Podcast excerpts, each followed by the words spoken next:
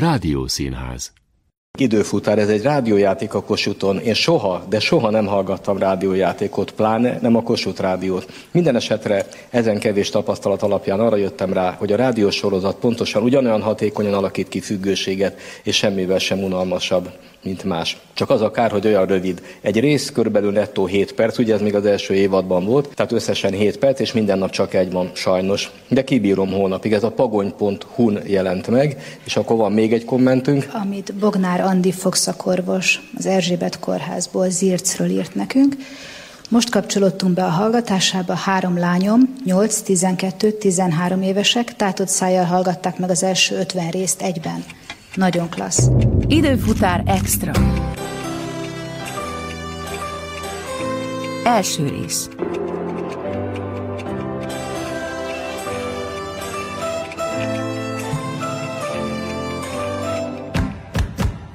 Az imént az időfutár 2013. februári közönség találkozójából hallottak egy részletet. Jó estét kívánok, Markovics Ferenc vagyok. Holnap este ér véget az Időfutár című ifjúsági fentezi sorozat utolsó, 210. része. A hallgatók három évadon át kísérhették figyelemmel a két főhős, Hanna és Zsófi és a többi szereplő életét és kalandjait. Az esti sávban átlag 130 ezres, a délelőtti ismétléseknél pedig több mint 400 ezres hallgatótáborral büszkékedhet a sorozat. Önálló Facebook oldalán is nagy élet zajlik. A részeket négyen írták. Gimesi Dóra, Jeli Viktória, Tasnádi István és Vészi Csandrea. Két részes műsorban mutatjuk be a nagy sikerű sorozat kulisszatitkait, az alkotókat, mindent, amit a sorozatról tudni érdemes, de eddig nem volt róla szó. Ami szinte példátlan, az időfutárra már az adások alatt fölfigyelt egy könyvkiadó. Eddig két kötetben jelentek meg az erősen átdolgozott hangjátékok. Arra pedig biztosan nem volt példa, ami az Ötvös József gimnáziumban történt, kötelező olvasmány lett a könyvekből. Nézzük először Hanna belépőjét a sorozat legelső adásából. A történelmi dátum 2012. március 12-e. Sziasztok, Hanna vagyok. Mától majdnem minden este együtt leszünk. Szeretném, ha tudnátok ki vagyok, és mire számíthattok, ha minket hallgattok. Ez nem egy szokványos sorozat, nem valóságsó, nem plegyka műsor, de nem is a legújabb ki mit tud. Egy évszázadokon és földrészeken átívelő időutazásban vesztek majd részt, és már most szólok, hogy kalandokat, izgalmakat fogtok átélni velünk együtt. Kicsit olyan ez, mint egy road movie. Folyton úton vagyunk, és útközben misztikus alakokkal, megdöbbentő helyzetekkel találkozunk. Megtudjátok, milyen az én kisé őrű, de nagyon szerethető családom. Hogy mitől olyan különös a kapcsolatom Zsófival. Te tényleg bedilisztél. Hogy mennyire közel került hozzám egy öreg embernek álcázott csodalé. Beszélnünk kell. Szeretném elmesélni nektek, hogy az új solimban micsoda fazonok vannak. A humorzsák Szabika, a síkoltozó Edina, a romantikus rogyák mi. Igen, én, én, magához jöttem. A furcsa, de zseniális Tibi, Mm, ö, és persze a többiek. Hagyjál Na és az új szomszédaim. Úristen. Időfutár. Tasnádi István íróval a Mozsár kávéházban találkoztam, ami egyáltalán nem véletlen. Az írócsapatnak ez a főbázisa, és a Mozsár utca egyik boltja, mint régiségkereskedés is megjelenik majd a későbbiekben a sorozatban. Mi a fő vonulata ennek az első 70 résznek? Ugye a kötetben, amikor megjelentek a Körzőtitka címet adtuk neki, ennek az első évadnak, és valójában egy, ez a tárgy van a középpontban, ez a bizonyos körző, ami beindítja az eseményeket. Hanna, aki a családjával felköltözik Budapestre, az első nap egy lontalanításon talál egy körzőt, illetve látja, hogy, hogy az idős ember talál egy körzőt, de elkezdik üldözni gyanús öltönyös figurák, és a körző az valahogy ott marad, és ő fölveszi. Na ez az ő tragikus vétsége, aminek nem győzünk elég hálásnak lenni, hogy elindítja az eseményeket, mert ezt a körzőt később megpróbálják tőle, ezek is azok is visszaszerezni. Nem tudja, hogy ez mire való, és az első évad során tulajdonképpen nyomozás a barátaival, Tibivel és Zsófival, hogy rájöjjenek, hogy miért olyan fontos ez a körző. Illetve Az az, hogy egy, ezek azok meg akarják szerezni, az ennél többről van szó, hiszen nagyon gonosz erők szövetkeznek a körző megszerzésére. Természetesen ez a bizonyos felemás szemű, aki, aki a fő ellenségé nőtte ki magát az évadok során, akinek van egy megbízója, egy titokzatos megbízója, aki a harmadik évadig nem bukkan föl. Meg akarják szerezni. Kezdetben azt gondoljuk, hogy egy Csermecbányai térképpel együtt, mégpedig azért, mert a jakubinusok elásott kincsét keresik, ugye akkor megbukott Martinovics féle jakubinus forradalom, akkor ugye ez a kitaláció, valójában ez nem így történt, volt egy hatalmas kincs, amit a Nemzeti Hadsereg felállítására ezek a derék függetlenségi párti urak összegyűjtöttek, ezt a bukás után eldugták, méghozzá Selmecbányai tárna rendszerben, és hogy ezek a kincsvadászok tulajdonképpen ezt próbálják megtalálni. Aztán az utolsó epizódokban derül ki, hogy erről sokkal többől van szó, hiszen ez a körző egy kulcs egy időgéphez. És amikor kiderül, akkor már nincs visszaút Hannának és Sándor bácsinak. Nincs más hátra, mint előre, vagy vissza a múltba, rájuk robbantják ezt a bányát, akkor csak úgy tudnak szabadulni, ha beindítják az időgépet, és több mint 200 évvel azelőtt kötnek ki egy másik időségben.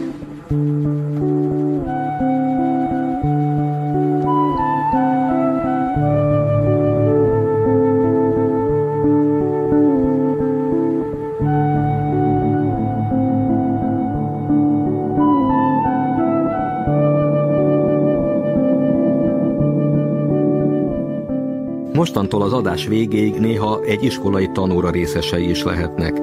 Bacsó Péter irodalomtanár föladta az óra időfutáros feladatait a hetedik ában, és amíg a diákok dolgoztak, volt időnk egy kis beszélgetésre. Helyszínünk az Ötvös József Gimnázium.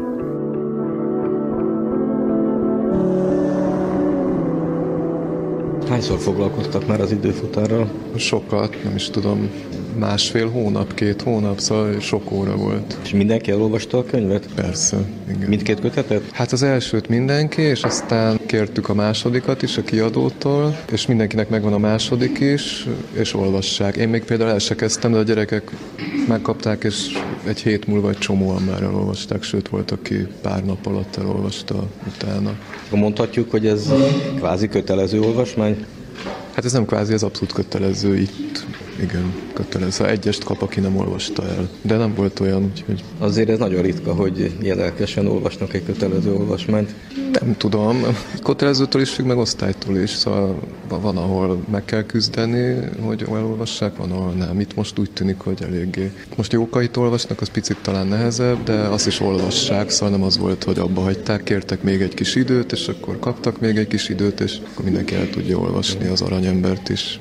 Szerintem nem annyira tragikus ez, mint úgy általában gondoljuk. Az ön ötlete volt ez, hogy bevezeti az oktatásba az időfutat? Hát igen, én most tanítok először hetedikben, és nem nagyon ismerem az ifjúsági irodalmat, kiadót ismerem, csak a netes oldalukon keresgéltem, hogy melyik ennek a korosztálynak a jó regény, és aztán bementem oda a boltba, és megkérdeztem, hogy mit ajánlanának, és ezt ajánlották. És akkor vettem egyet, elolvastam, úgy láttam, hogy jó, elolvastam még egyszer, akkor már tanításról is voltak gondolataim, és így lett ez. Úgyhogy tulajdonképpen egy véletlen, hogy erre bukkantam a neten. És meg kellett küzdeni érte az igazgatóval, vagy sima ügy volt? Hát nem, egyáltalán nem kellett senkivel megküzdeni. Nem, itt, itt szerintem azért más iskolába se szól bele az igazgató kötelező olvasmányokba, itt, itt biztos nem, úgyhogy egy nem, nem kellett küzdeni senkivel. A magyar tanár vezetőnkkel se, a munkaközösség vezető. Egyébként ő is egy hasonló ifjúsági regényt tanít a másik hetedik osztályban, úgyhogy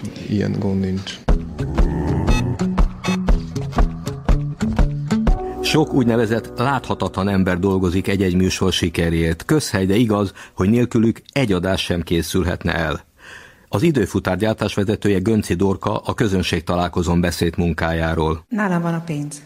Nem nálam, Igazából nem nálam van, csak van egy perse, és abba csak én tudok belenyúlni. De természetesen vannak nálam nagyobb emberek, akik megmondják, hogy mennyi van ebben a persejben, viszont velem nem szoktak rosszban lenni az emberek, úgyhogy meg szerencsére nem is lehet. Én gyártásvezető vagyok, és az a dolgom, hogy belökjük a színészeket a stúdióba, már a kész szövegekkel tudjanak dolgozni. Én egyeztetem a színészeket, hogy kinek mikor jó. Hát minden, ami adminisztráció, az azt volt szerencsém megnyerni. Ennek vannak nyilván izgalmas része, és vannak nyilván kevésbé izgalmasak, de amikor így mondjuk itt találkozunk, akkor ez mint egy szülésnél gyakorlatilag elfelejtődik a fájdalom, és akkor ott van az a nagyszerű eredmény, ez a gyerek, aki már második éves. És hogy ez, ezt csinálom én. Én pedig hadáruljam el a Dorkáról, hogy remekül tud bánni a gyerekekkel. Képzeljétek el azt, hogy amikor indult az időfutár, akkor volt egy casting, ahova közel 600-an jelentkeztek, és négy stúdióban ment szimultán a gyerekek meghallgatása és az előválogatás, és a Dorka hogy a gyerekek ne tomboljanak annyira, meg a különféle felvételek előtt is, mint egy 10-15 gyerekkel a folyosón játszott a legkülönfélebb játékokat, és ennek köszönhetően valahogy sikerült lecsillapítani a, az ifjakat, és fantasztikus teljesítmény volt ez. A castingban két nagyon érdekes helyzet volt, mert hogy az ugye valóban 540 gyerek, illetve hát felnőtt gyerek vegyes meghallgatása zajlott. Az egyik, amikor egy 77 éves bácsi jött, hogy ő szeretné kipróbálni magát mikrofon előtt, és hát most már bánom, de hát akkor nem adtunk neki teret, de mondta, hogy ő el tud játszani mindent. Az unokája hozta el, aki egyébként 8 éves volt. Illetve legnehezebben éltük meg, de azt hiszem, hogy pozitív volt, amikor egy kislány beállt a stúdióba, és bekísérte az édesapja. Mondtuk neki, hogy hát akkor olvasd a szöveget, és nem hallotta is, hogy de hát olvasd a szöveget. És háromszor, négyszer mondtuk neki, és akkor derült ki, hogy valójában hallás sérült, és hát ezt meg kellett oldani. Úgyhogy ez egy ilyen kicsit ilyen frontline terület, de nagyon izgalmas. Most egy kis részlet szól a castingból, a gyerekszereplők válogatásából. Fél lépés gyerek Szia Zsófi! Ne arra úgy, hogy csak most írok, de nem volt egyszerű géphez jutnom. Délelőtt érkeztünk meg, szóval elég lehangoló a kép. Mindenhol dobozok, táskák, meg füstölők, a bútoraink meg egyelőre félúton két emelet között. Mondjuk, Mondjuk Köszi. szerintem, ha csak le nem bontják körülöttünk a házat, ott is maradnak. Anya persze totál oda van, gondolhatod. Amikor az meg elcsapta a hasamat, anya úgy kétségbe esett, hogy kis hián kihívta a mentőket. El sem tudod képzelni. Igen, mehet? Oké. Okay. Anya azt mondja, ez lecsillapítja az idegeit. Kár, doppá, bocsánat. Kért, hogy üljek le mellé, és hallgassam én is, mert szerintem... Hogy inkább e-mailt írok. Délelőtt érkeztünk meg, szóval elég lehangoló a kép. Mindenhol dobozok, táskák meg. Ezen a castingon tűntek föl a ház lakóiból a gyerekkorú szereplők, az iskolai osztály. Természetesen itt tűnt föl első ízben a Hannát alakító Herman Flóra, illetve a legjobb barátnőjét Zsófit alakító Nagy Katica. Milyen karakterekről van szó? Hanna ugye egyke, nincs neki testvére, édesapja munkája, amit soha nem tudunk meg, hogy micsoda, de mindesetre... Nagyon fontos ember. Nagyon fontos ember, és nagyon sokat kell költözni, ezért Hannának igazából nem tud kialakulni szoros baráti kapcsolata, tehát magyarán egy magányos gyerek. Legutóbb Szegeden éltek, és ott viszont barátságot kötött egy, egy lányjal, Zsófival, de onnan is tovább kellett jönni, így most már csak Skype-on tudják, vagy telefonon tudják tartani a kapcsolatot. Tulajdonképpen ő az egyetlen barátja egészen addig a pillanat, addig, míg benne nem csöppen az osztályközösségbe, aminek már mi is tanulni vagyunk, és ott újabb barátokat szerez például Tibit, egy nagyon furcsa, szintén magának való, kicsit túlsúlyos fiút, akit a többiek csúfolnak, hiszen ő árva, a nagymamája neveli, nincsenek is túl jó anyagi helyzetben, és ettől bizony picit kilóg az osztályban, de Hanna pártfogásába veszi, és aztán Tibi a legnagyobb támogatója lesz az eszement kalandokban. Zsófi? Ugye Zsófiról sokáig nem tudjuk, hogy egy baleset érte, és kerekesszékben ül. Ez, ez mondjuk a, ugye speciálisan csak a rádiójátékban lehetett megcsinálni ezt, de ha már rádiójáték, akkor gondoltuk, hogy élünk ezzel a nagy fordulattal. Egy, snowboard balesetben megsérült a gerince, és ezért kerekesszékbe kényszerül. Végig az a tét, hogy meg tud-e gyógyulni, jár fizikoterápiára, ilyen-olyan tornára, nagyon izgulunk Zsófért, hogy ez sikerüljön, de ő ettől a balesettől, ő is picit kiszorul, ő is picit kirekesztő, fejlődik, nem tud iskolába járni, otthon tanul egy egyéni felkészüléssel, és hát gyakorlatilag az életet azt a Hanna jelenti számára, illetve a Hannán keresztül beáramló információ. De gyakorlatilag Zsófi abban a székben átéli a Hanna által elmondott történeteket, kalandokat is, tehát olyan kalandokba tud részt venni, amitől ő egyébként teljesen mértékben el van zárva, viszont egész nap a neten lóg, nagyon jól tudja használni, és ezért a kutatásban az ő tudása nagyon hasznos, és így tudja támogatni távolról a csapatot. Szia Zsófi! Hát, a nehezén túl vagyunk. Szerencsére van net az új lakásban.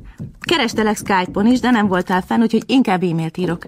Délelőtt érkeztünk meg, szóval elég lehangoló a kép, mindenhol dobozok, táskák, meg füstölők.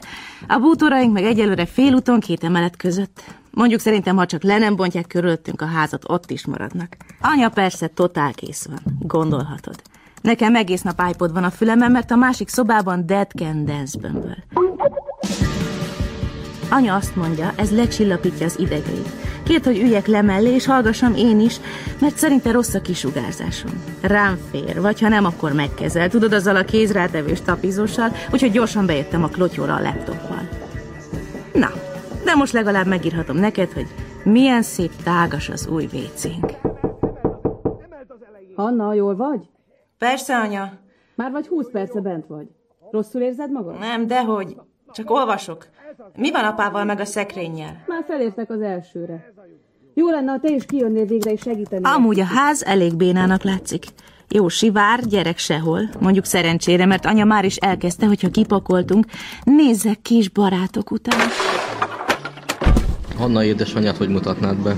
Hú, Niki néni az egyik kedvenc karakterünk, ő Ezu anyu. Szerintem ismerős típus, aki New Age mozgalmak által félig meddig megszállva, rengeteg mindent összeolvasva a spiritizmusról, a buddhizmusról, és a feng shuiról, és mindenről, és ez egy... A vízérkeresésről. És mindez az információ egy furcsa gomolygó katyvasszá állt össze az agyában, és, és megpróbál ezen élettel szerint élni, ami hát rengeteg komikus mozzanatnak a forrása. Hanna is picit furcsálkodva figyeli anyukája tevékenységét, hát mikor találkozik mondjuk Joli nénivel az igazi rendes kis nyugdíjassal a körgangról, aki viszont ebbe a világba egyáltalán nem otthonos. Tudod, aki beleszagol szinte a levesbe is, hogy mit főz éppen az anyu. Persze, hát Joli néni szeret mindenkiről mindent tudni, és aztán egy nagy páros lesz, tulajdonképpen egyfajta hacsek és sajó, akik végigkövetik a gyerekeknek a, a számukra talányos történetét, hiszen ők csak annyit látnak belőle, hogy ezek őrülten csinálnak valamit, hol eltűnnek, hol meg, megkerülnek, és borzasztóan titkolnak előttük valamit, de ők nem tudják, hogy mi az. Régi tervünk is megvalósult, a rajongók Skype-on hívhatták a két főszereplőt, Hannát és Zsófit, azaz Herman Flórát és Nagy Katicát. Másfél órán keresztül 13-an tehették föl kérdéseiket. Szia! Szia! Sziasztok! Gardon Anna Mari vagyok. Honnan telefonálsz nekünk? Én Budapesten lakom, 12. kerületben, azon belül meg a szobámban. Szoktátok azt érezni, hogy um, én ezt most azért mondom, mert én nemrég befejeztem egy könyvet, amit írtam, és én ott nagyon sokszor éreztem azt, hogy nagyon szerettem a főszereplőmet, de néha meg egyszerűen írtam, de utáltam. Szóval szoktátok azt érezni, hogy utáljátok azt, akit játszonotok kell, mégis játszátok, és nem tudom. Szóval, Ez egy így nagyon úgy érzitek, kérdés. hogy én nagyon nem ezt csinálnám. Nekem volt olyan, hogy olyan mondatot kellett elmondanom, amit úgy éreztem, hogy nem az, hogy én nem szeretném, hanem hogy a Hanna nem ilyen, hogy ő ezt mondaná. De az írók mégis úgy érezték, hogy ez kijön a Hanna szájából, és akkor volt bennem egy kis feszültség, de hát nyilván elmondtam a mondatot, mert hát le volt írva, és muszáj volt, meg hát nyilván fontos mondatok voltak. Mert igazából az lett, hogy akkora megszállott rajongó lettem, hogy annyit beszéltem róla, hogy megelégelték. Aztán volt, hogy az öcsém is elkezdte hallgatni, és akkor így kölcsönadtam neki a mobilomat, és így egy nap alatt az első évadot csak így végighallgatta, kértem már a következőt. Csak aztán rájött, hogy hát ő 12 éves fiú, és hogy ez vérciki, úgyhogy akkor abba hagyta. Vérciki pedig Apukám neki. meg a bátyám magam most lelkesedtek érte. Nem mondtad az öcsédnek, hogy ez nem ciki, ez egyáltalán nem Pedig ciki. érdekes, mert egyébként pont az öcsét korosztályának készült. Eredetileg szerintem. Igen. Ennek a 12 éves korosztálynak. 嗯。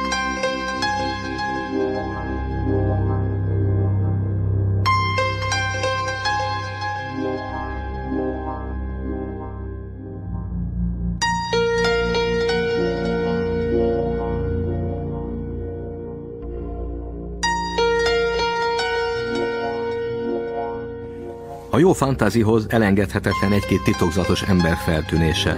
Sándor a maga 228 évével meglehetősen furcsa szerzett, elsőre pedig igencsak ijesztő. Hanna most még csak beszél róla, részletesen őt majd a második részben ismerhetjük meg. Zsófi, fent vagy még? Zsófi? Szia! Megkaptam a leveled. Épp most írok választ. De küldök addig is. Várj most ne! Hihetetlen dolog történt, el kell mesélnem. Baj van? Emlékszel arra a guberáló öregemberre? Akit a levélben írtál? Persze. Anya este leküldött a boltba, és megint itt volt a ház előtt. Hát ez tényleg hihetetlen. Várj, ez most nem vicces. Miért? Mit csinált? Hát, turkált. Aha. De az volt az érdekes, hogy nem az üres üvegek meg ilyenek érdekelték. Ha nem? A lehető legfurcsább dolgok. Ha talált valamit, olyan óvatosan fogta meg, mint valami kisbabát. A karjára tette, dédelgette. Ja, mindjárt azt fogod mondani, hogy altatódalt énekelt nekik. Honnan tudod? Mi van? Honnan tudod, hogy beszélt hozzájuk? Hanna, te jól vagy? Most komolyan. Mikor elmentem mellette, épp valami furcsa fémizét kotott ki egy kupac szemét alól, részletesen megvizsgálta olyan közelről, hogy még az orra is hozzáért, és valamit mormogott hozzá. Esetleg bolondhajléktalan? Hm? Mint magyarázat? De az a fém micsoda válaszolt. Itt vagy? Bocs, Hanna. De szerintem te is bedilisz. Zsófi, figyelj! Te vagy az egyetlen, akinek ezt elmondhatom. Léci, higgy nekem. Az a valami fura hangot adott ki. Aha. Nem hiszed, ugye? Jó, oké, azt hittem, te meg fogsz érteni. Szóval fura hangot adott ki? A fémizé? Aha. Aha. És az öreg erre? Előhúzott a kabátjából valami sejemanyagot, és nagyon óvatosan bebugyolálta. És te? Én meg meg sem tudtam mozdulni. De akkor már nem is lehetett volna, mert egyből feltűnt a sarkon két sötét ruhás alak. Jézusom! Egyenesen az öreg felé tartottak. Látszott, hogy el akarják kapni. A rendőrök? Dehogy is, öltönyben voltak. Az öreg észrevett őket, és futni kezdett, ezek meg utána. De senki sem kiabált. Ez is olyan furcsa volt, az egész tök néma csendben történt. Hát ez súlyos. Aztán, amikor eltűntek, már elmertem indulni. De tudod, mit találtam a földön? Mit? Nem találod ki? Jaj, ne! De bizony, a bebugyolált dolgot. Ugye eszedbe sem jutott megfogni? Hát, igazából de. Normális vagy? Az az igazság, hogy itt van mellettem. Ismét a közönség találkozóba hallgatunk bele. Az írók közül itt van Gimesi Dóra, aki a... Ő, én úgy tudom, hogy főleg a Báb Színháznál dolgozik sokat, és remek mesekönyveket és egyéb gyerekdarabokat is ír. Itt a Facebookon is meg több helyen fölmerült az, hogy hogy lehet egy történetet négy embernek írni, hogy lehet ezt beosztani, hogy mikor, ki, mit és hogyan írjon technikailag és egyáltalán. Hát úgy lehet, hogy összeszöktünk ülni mi négyen a Mozsár kávéházban hetente egyszer, és akkor megbeszéljük azt, hogy mik legyenek annak az adott négy vagy öt résznek, amit egyszerre kitalálunk a rövid történetet, tehát kitaláljuk a részek történetét, és aztán pedig beosztjuk az epizódokat, hogy ki melyiket írja. Tehát magát a sztorit, a történetet, azt együtt találjuk ki négyen, mint ahogy a karaktereket is, a figurákat abszolút négyen találtuk ki. Tehát vannak ilyen különböző, kinek ki a kedvenc karaktere, Neked ki? nevet. Hát én a Bulcsút nagyon szeretem írni, meg a Bújdosónét. Bújdosónénak például én adtam nevet, ez nagyon szemétség, de volt egy matek tanárnőm, akit Bújdosó Máriának hívtak, és egyszerűen nem tudtam elvonatkoztatni, tehát ez, ez, ezért lett így. Például a Rogyák Mari nevét én találtam ki, arra büszke vagyok. Tehát ott semmi valódi modell nem volt? Abban annyi valódi vonal volt, hogy volt egy Hugyák István nevű osztálytársam, és arra jutottunk, hogy a Hugyák az túl durva, és ettől lett Hát ez így van. Most épp számtekórán ülök, és úgy csinálok, mintha Excel táblát szerkesztenék. A nap mérlege eddig a majdnem rettenetes és a rettenetes között mozog, de kezdem az elejéről. Reggel anya bekísért, hogy tudjon beszélni az igazgatóval, de csak az igazgató helyettesig jutottunk. Te az a nő valami borzalmas. Képzeld el a nyálas gálnét szőkén, vajszínű kis kosztümben, és szorozd meg hárommal. Egy igazi mosolygó sorozatgyilkos, és kígyó szeme van. Ja, és Bújdosónénak hívják. Nyilvánvalóan ott van az a három-négy tanári alapkarakter, ami hol támogató, hol pedig nagyon ellenséges. Azt hiszem, hogy ezek közös iskola élményeink, és ez mondjuk 30 éve is nagyjából ezekkel az archetipusokkal működtetett, mint most. Hát a Bújdosóné nagyon gonosz. Nagyon okos, és nem egyszerűen rossz indulatú, hanem, hanem mindezt nagyon okosan csinál, és ettől még veszélyesebb a dolog nem mellesleg komoly szerepe jut neki majd a körzőért folytatott harcban is. Hogyne, hiszen ő támogatója ennek a bizonyos titkos körnek, akik próbálják megszerezni ezt a körzőt, illetve a térképet, akik a kincshez próbálnak hozzájutni. Más kérdés, hogy egy idő után ő aztán függetleníti magát, és elkezd a saját pecsenyét sütögetni, de az már egy másik történet. Még egyszer nagyon köszönöm, tanárnő, nagyon hálásak vagyunk, hogy átveszik Hannát. Köszönjék az igazgató úrnak. Én magam a felvételi vizsgában hiszek, és egyáltalán nem vagyok híve az efféle rendhagyó akcióknak március közepén, de a gyermek tanulmányi eredményei végeredményben kielégítőek. És ki vagyok én, hogy az igazgató úr döntését felülbíráljam? Kérem, adja át üdvözletemet az igazgató úrnak. Feltétlenül át fogom adni. Viszontlátásra! Szia, kicsi! Szia, anya! Nos, mielőtt az osztályterembe kísérnélek, szeretnék leszögezni egyet mást. Ez itt a Sigrai Jakab általános iskola és alapfokú művészeti oktatási intézmény, nem pedig a Makói elemi. Szeged. Tessék? Szegedről jöttünk, nem Makóról, és nem elemibe jártam, hanem a Juhász Gyulába, ami a város egyik legjobb... Mindegy, ez itt egy nagy múltú intézmény. Diákjaink évről évre kiváló eredményeket érnek el a tanulmányi versenyeken, diákszínjátszóink rangos fesztiválokon lépnek fel, és magunkénak tudhatjuk az ország legszínvonalasabb iskolaújságját. Számos egykori diákunkból lett híres színész vagy politikus. Szuper. Becsüld meg magad, gyermekem. Tanulj szorgalmasan, légy fegyelmezett, hogy méltó lehess az iskolához. És egyetlen percre se felejtsd el, hogy amilyen könnyen felvettek ide, éppen olyan könnyen ki is rúghatnak, ha nem ütöd meg a mércét. Hát? Nem kötelező ide járni. Majd igyekszem. Azt el is várom. Na, megmutatom az osztálytermedet. Az új osztályomat elnézve azt hiszem hivatalosan is kijelenthetem, Pesten mindenki idióta. Ha már ennyi szó esett Bújdosónéról, ideje megnézni, hogy boldogul vele a hetedik A leckeként. Folytassuk a bújdosónés bekezdéssel. Megkérném a diát, hogy azt elveszem. Szerintem ez egy külső elbeszélő, szereplői nézőpont és minden tudó elbeszélő. Nagyon jó. Ha az elbeszélőnek a tudását nézzük, akkor ez milyen problémákat vet? Korlátozott tudású, hogy nem teljesen biztos abban, hogy azt mondta, csak arra gondol, hogy valószínűleg ezt mondta. Szóval, hogy tudná valaki összegezni, hogy akkor miről van itt szó?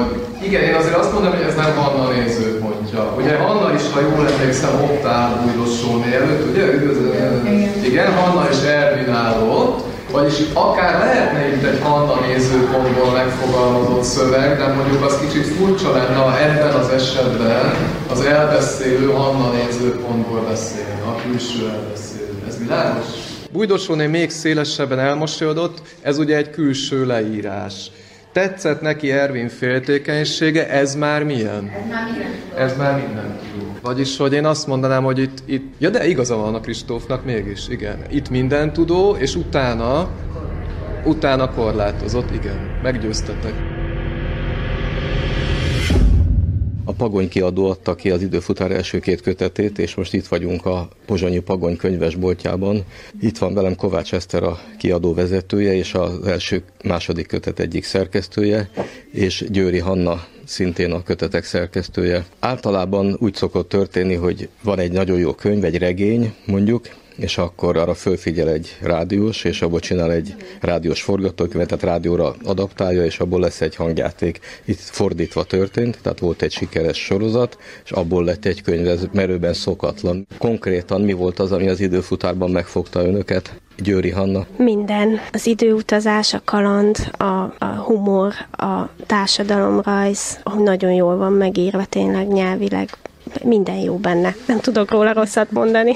Egy könyvszerkesztőnek nyilván egyformán kell szeretni az egész könyvet ahhoz, hogy megfelelő módon tudja a szöveget gondozni, de biztos van olyan rész, ami különösen kedves önnek, melyiket tudna említeni? Az az érdekes, hogy én nagyon szeretem az időutazásos történeteket, másfelől az időfutár egész első részében tulajdonképpen még nincsen szó időutazásról, mégsem volt hiányérzetem, mert annyira, de annyira szerettem ezeket a jelenkori iskolai részeknek a sodró lendületét és, és a Hanna által is emlegetett humorát. Tőlem már nagyon sokan, nagyon sokszor hallották, hogy én, én mindig a humort keresem a könyvekben, és azt gondolom, hogy, hogy a humor az, az az út, amin keresztül meg lehet fogni az olvasókat egészen kiskortól kezdve. De hát nagyon sokan ugye még 12 pluszosan sem szeretnek olvasni. És ez, ez az időfutár, ez tényleg tud valami olyasmit, hogy, hogy sok minden van benne egyszerre, mint a Harry Potterben. Tehát amikor valaki azon gondolkodik, hogy mi a Harry Potter titka, valószínűleg nincs egy titka, hanem hogy minden típusú könyvből hoz valamit. Tehát van ez az iskolai regénye, ami tényleg egy nagy hagyomány Angliában, de akkor van a mesevonala, és nagyon sok mindent el lehet róla még mondani, és kicsit az időfutár is szerintem ilyen, tehát hogy, hogy egyszerre hozza ezt a nagyon mai vonalat, hogy nagyon rá lehet ismerni a mindennapi életre, hogy nagyon vicces, és ugyanakkor egy, egy, egy olyan vonulat, ami pedig tényleg a fantázia világa, és, és a, ami miatt meg pluszban érdekes olvasni. És valahogy ez a, ez a kettő együtt, ez, ez szerintem különösen izgalmassá teszi az egészet.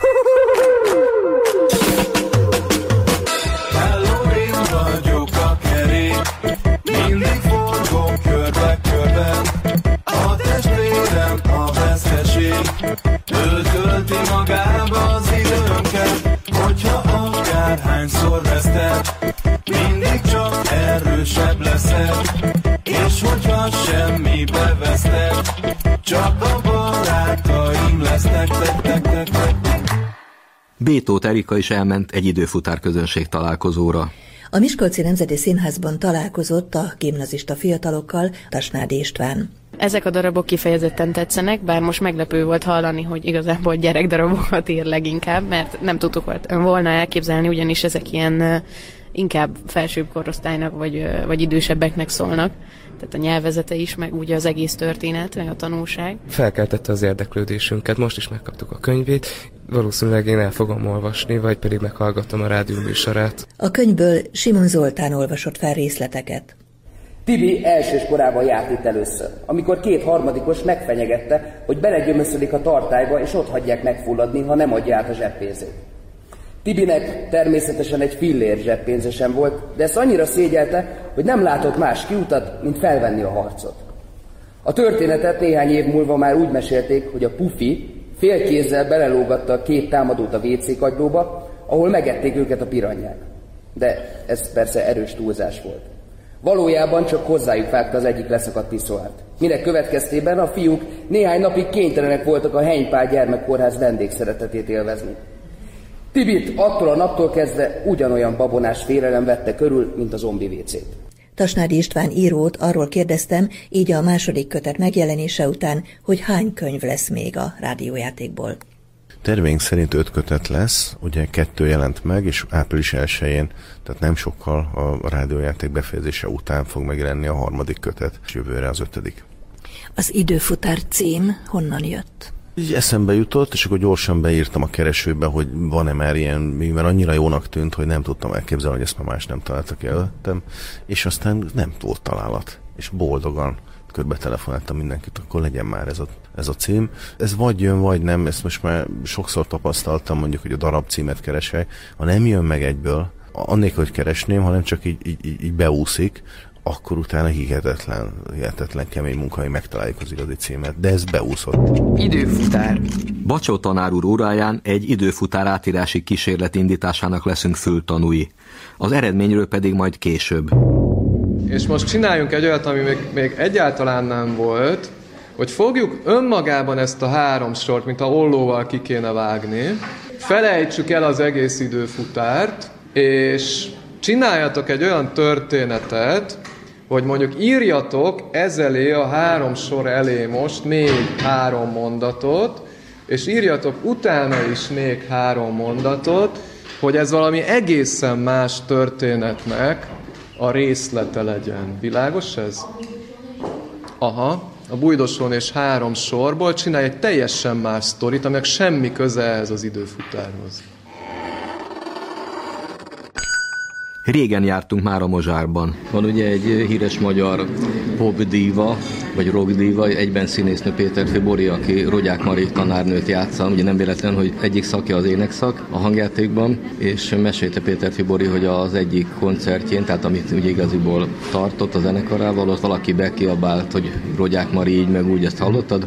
Persze, mesélte a Bori, meg mondta, hogy zászlókat visznek. Rogyák Mari fánklub van, és akkor kifeszítik ezt, hogy Rogyák Mari fánklub, és akkor ott egy kis csoportot csápol a színpad előtt. Akkor először meglátta, akkor nagyon meglepődött, hiszen az egy nagyon más szerep. A popdiva is egy szerep, vagy ez az alterdiva, amit ő visz. De teljesen összeegyeztetetlen a magyar népművelő szakos Rogyák Marival, minden elsírja magát, és a kis batikolt szoknyájában katoluszt idéz, és megpróbálja tartani a fegyelmet az érekórán, vagy furujázásra bírna a gyerekeket. Tehát ez a két szerep, ez nagyon távol áll egymástól, és ez egy koncerten, amikor ezt találkozott, akkor először nagyon zavarba jött, de most már nagyon élvez és büszke rá. Ma tesi óra után én pakoltam vissza a szertárba a medicinlabdákat. És akkor az történt, hogy megjelent a rogyák Mari, mint egy hurrikán, de úgy, hogy majdnem elsöpörte a Gézabát az ajtó előtt. Jaj, elnézést, Géza. Ja, de nincs mit. Ja, semmi baj. Én meg tulajdonképpen itt sem vagyok, elnézést a zavarásért. Ja, kár. Pedig olyan ritkán látom erre. Azt hittem valami dolga van itt. Igen, én, én, én, én magához jöttem. Csak nem. El sem merem hinni. De voltak éppen a tanáriban is megbeszélhetjük. Jó, akkor menjen előre, én meg majd követem őt Jó. perc múlva. Úgy legalább látom még egyszer ma. Igaza van, olyan ostobaságokat beszél. Ja, ne, de, de hogy. Na, arról lenne szó, hogy szeretném a tornatermet elkérni a varázsfóla próbáimhoz majd, majd valamikor. Ja, a legnagyobb örömmel átengedem bármikor, csak szóljon. Vagy, vagy ne is szóljon, csak törjön rám, és én elpárolgok. Hát, köszönöm. Szívesen. Akkor viszlát. Viszlát. Megfigyelte már, hogy egy torna szertárnak olyan különös hangulata van? Ja, igen, persze. A dobbantók tehetnek az egészről. Miért? Nem tudom, folyton csinálják a hangulatot. Imádják összeugrasztani a kislabdákat a medicinnel. Néha-néha reggel úgy kell őket szétválasztani. Máskor meg bejövök, és az egész szertár bőg. Mert a rózsaszín tornaszőnyeg egész éjjel hosszú és szomorú szerelmi életéről mesél. Ó, szegény tornaszőnyeg. Na, sose sajnálja, nagy színésznő. Azt hiszem ideje mennem. Igen. Illetve dehogy, csak megértem. Nem lehet túl szórakoztató ennyi hülyeséget hallgatni. Nem azért. Nem hülyeség. Na, megyek. És köszönöm. Ezt nem mondod komolyan? Szerintem a felnőttek tuti komplet elmebetegek. Hogy, hogy nem vettek észre? Egy idő után már olyan ciki lett volna kimenni, hogy bebújtam a medicínlabdák közé. Utána meg azért nem lehetett, mert Géza bácsi ott állt, mégis nézte az óráját. Aztán öt perc múlva elindult fel a tanáriba. Majdnem elkéstem Bújdosónétól.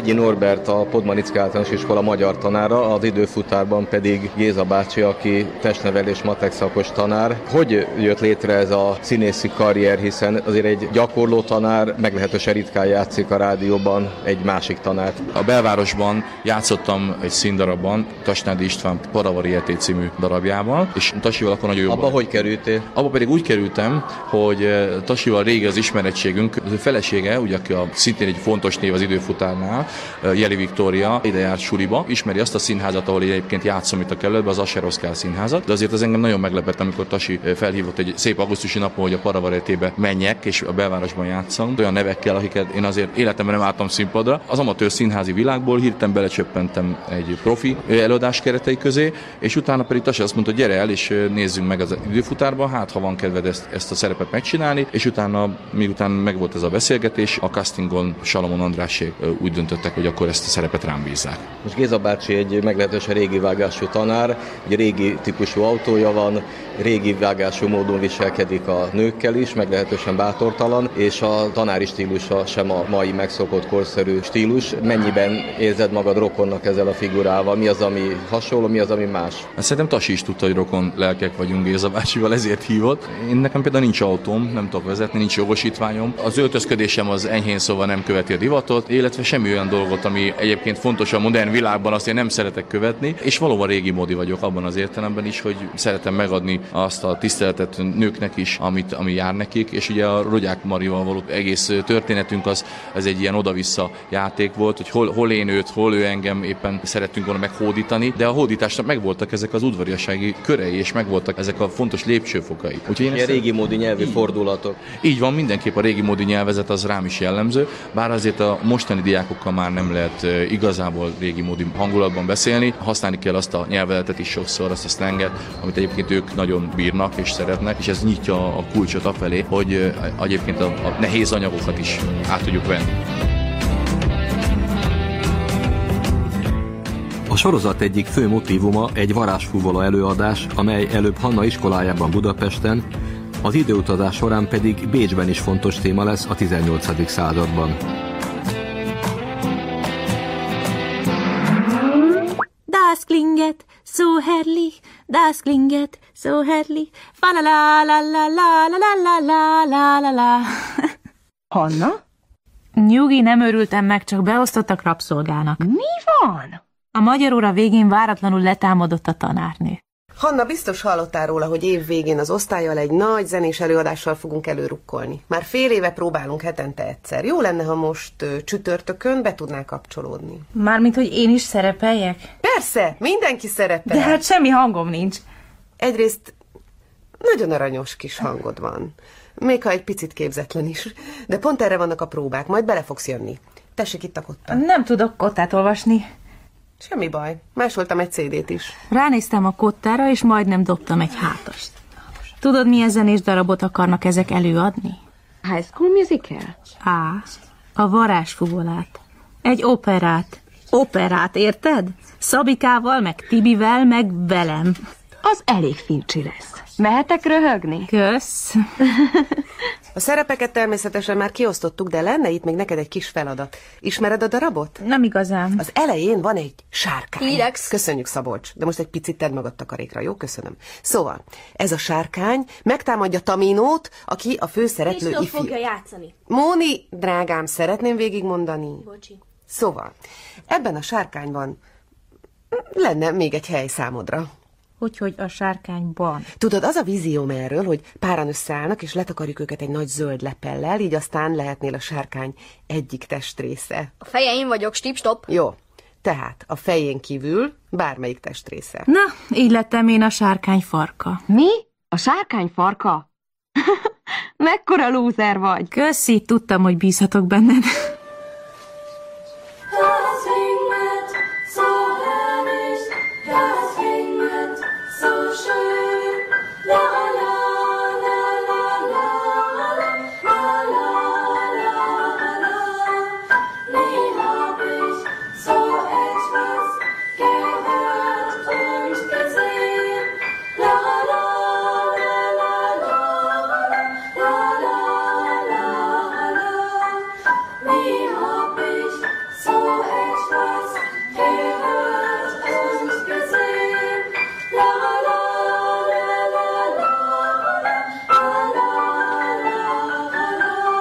Ismét a pagonyos Győri Hanna és Kovács Eszter beszél.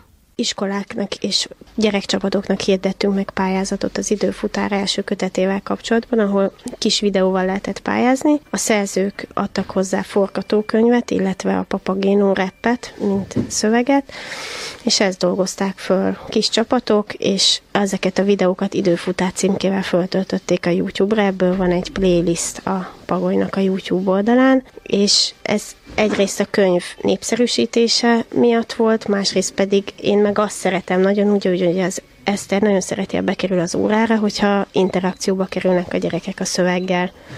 És a videó az nagyon jó erre, hogy beleéljék magukat, tovább gondolják, iszonyatosan sokat dolgoztak vele, nagyon sokan egyszerűen látszik rajta, hatalmas munka van mindegyikben. A győztes úgy tudom, hogy egy penészleki csapat lett. A zenés verzióban, tehát a rapben a penészleki csapat nyert, ez egy nagyon pici falu, a határfalu tulajdonképpen Szabolcs-Szatmar-Pereg megyében, és az ottani iskolá csapata nyerte az egyik díjat, de a nagy filmben, ami nem a videoklip volt, ott egy testvérpár nyert, Fülöp testvérpár, és az animációs kategóriában pedig kettő díjat adtunk ki, mert annyira tetszett. Az egyik egy erdélyi lány volt, Márton Viola, a másik szintén egy testvérpár Budapestről. Úgymond a nagy kategória díjnyertese az miről szólt az a film? Hát ez egy döbbenetesen jó film volt. Két lány csináltam a barátaikkal, és tulajdonképpen összefoglalták a két kötetet a rádiójáték alapján, meg a könyvek alapján egy, egy 5 perces vagy 6 perces kisfilmbe aláfestő zenével. Kosztümökkel, tényleg nagyon szép volt. Most hallgassunk bele a penészlekiek papagénó repébe. Én vagyok itt az osztály réme, ismerjétek el már végre a madarász házba a hétvégére, csusszanjunk el ketten félre. Figyusszál öcsém a rémeket hányom, nagyon jó a papagén állományom, az ordító lóját keren vágom, a tojókat pedig bűncsipázom.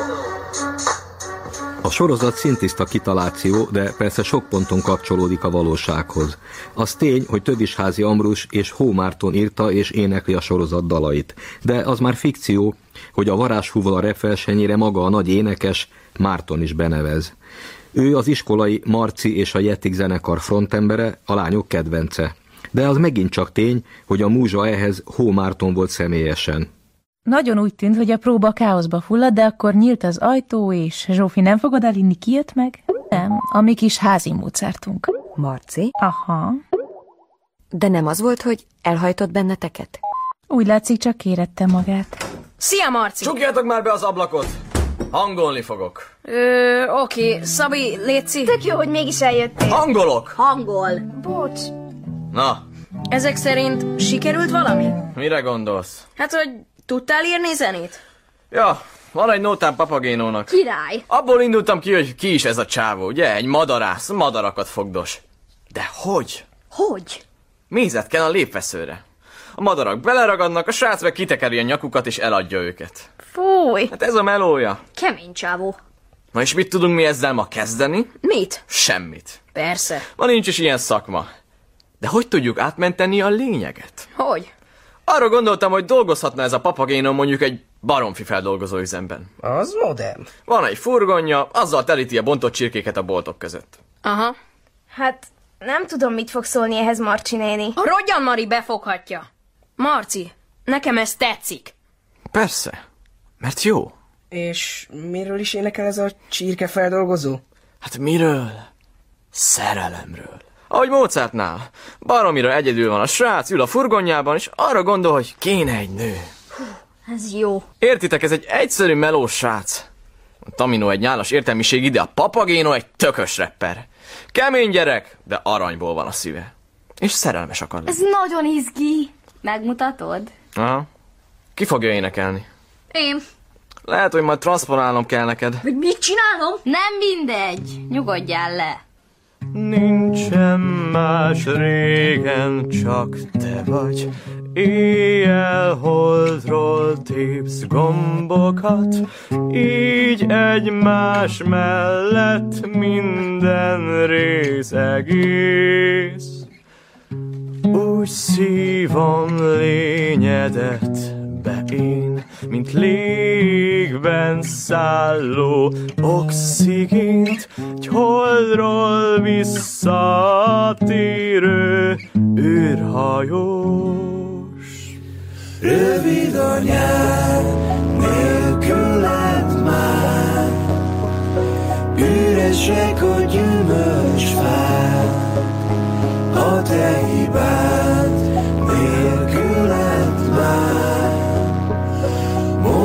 Monoton a mennyország A világ egyetem Azt hiszem, a dal végére minden csaj belé szeretett. Fanni még sírt is. És te? Én nem sírtam. Haha. Tudod te, hogy mit kérdezek? Jaj, Zsófi, Marci az á, és egyébként is túl öreg hozzám, 17 éves. Ajjaj. Mit ajjaj, Zsófi, ez egy hülye, felfúvalkotott, beképzelt kis... Már üresek a gyümölcsfák.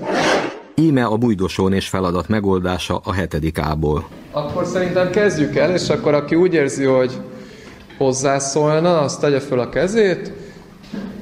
Úgy látom, akkor a Benjivel kezdjük. Volt egyszer egy boszorkány, Bújdosóné, akinek volt két tanítványa, Ervin és Engelbert.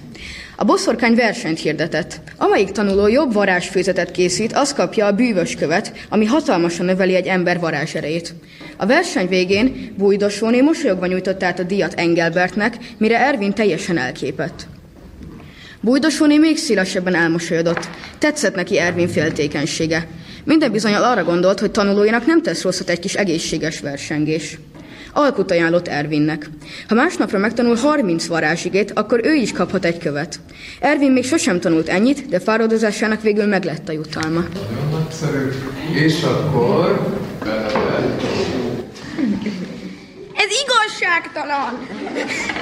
Miért mindig bújdosó Eszter a tanár? Én is azt szeretnék lenni, mondta Kovács Ervin. Bújdosóné még szélesebben elmosolyodott. Tetszett neki Ervin féltékessége. Minden bizonyal arra gondolt, hogy tanulóinak nem tesz rosszat egy kis egészséges versengés. Azért, mert én már tizenegyedikes vagyok, mondta. Te pedig csak elsős. Így jártál. Ervin sírni kezdett, Bújdós Eszter pedig tovább rajzolt a táblára.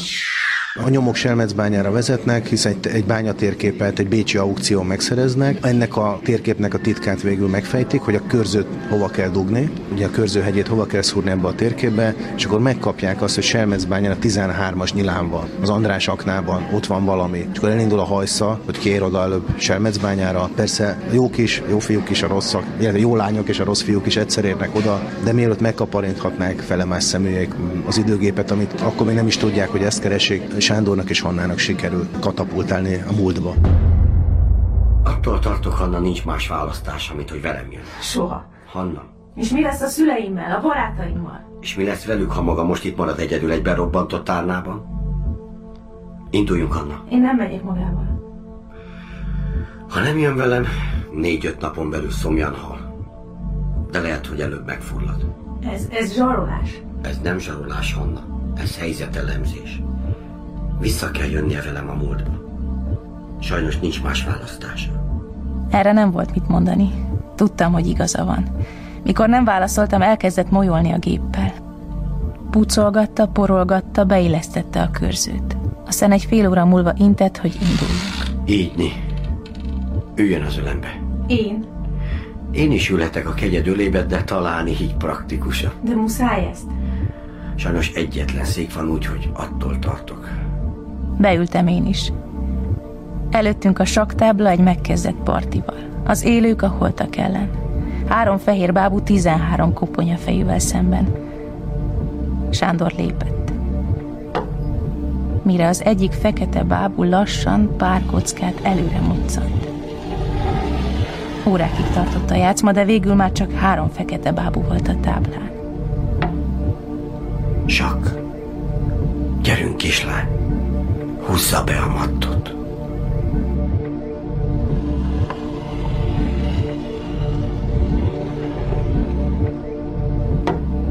Matt.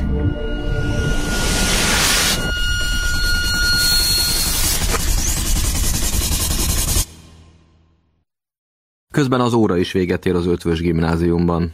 Még egy feladatra van idő. Nyissuk ki a könyvet a 136. oldalon. Van egy olyan bekezdés, ami úgy kezdődik, hogy Hanna azt sem. Ezt kellene elolvasni odáig, hogy botrány lesz, és aztán lenne néhány kérdésem. Elbeszélésileg mit mondana erről a bekezdésről? Hát ugye a... Vége az órának. Úgyhogy az lenne a két kérdésem ehhez még, hogy mit szóltok az ütő is megállt benne szöveghez, egy Hanna nézőpontnál, meg az is kérdésem lett volna, hogy a kérésem, hogy írjatok ezelé egy másik párbeszédet, amire ezt lehetne reagálni. De hát ez sajnos kimarad az életünkből már. Ez lenne a házi feladat. Hát viszontlátásra.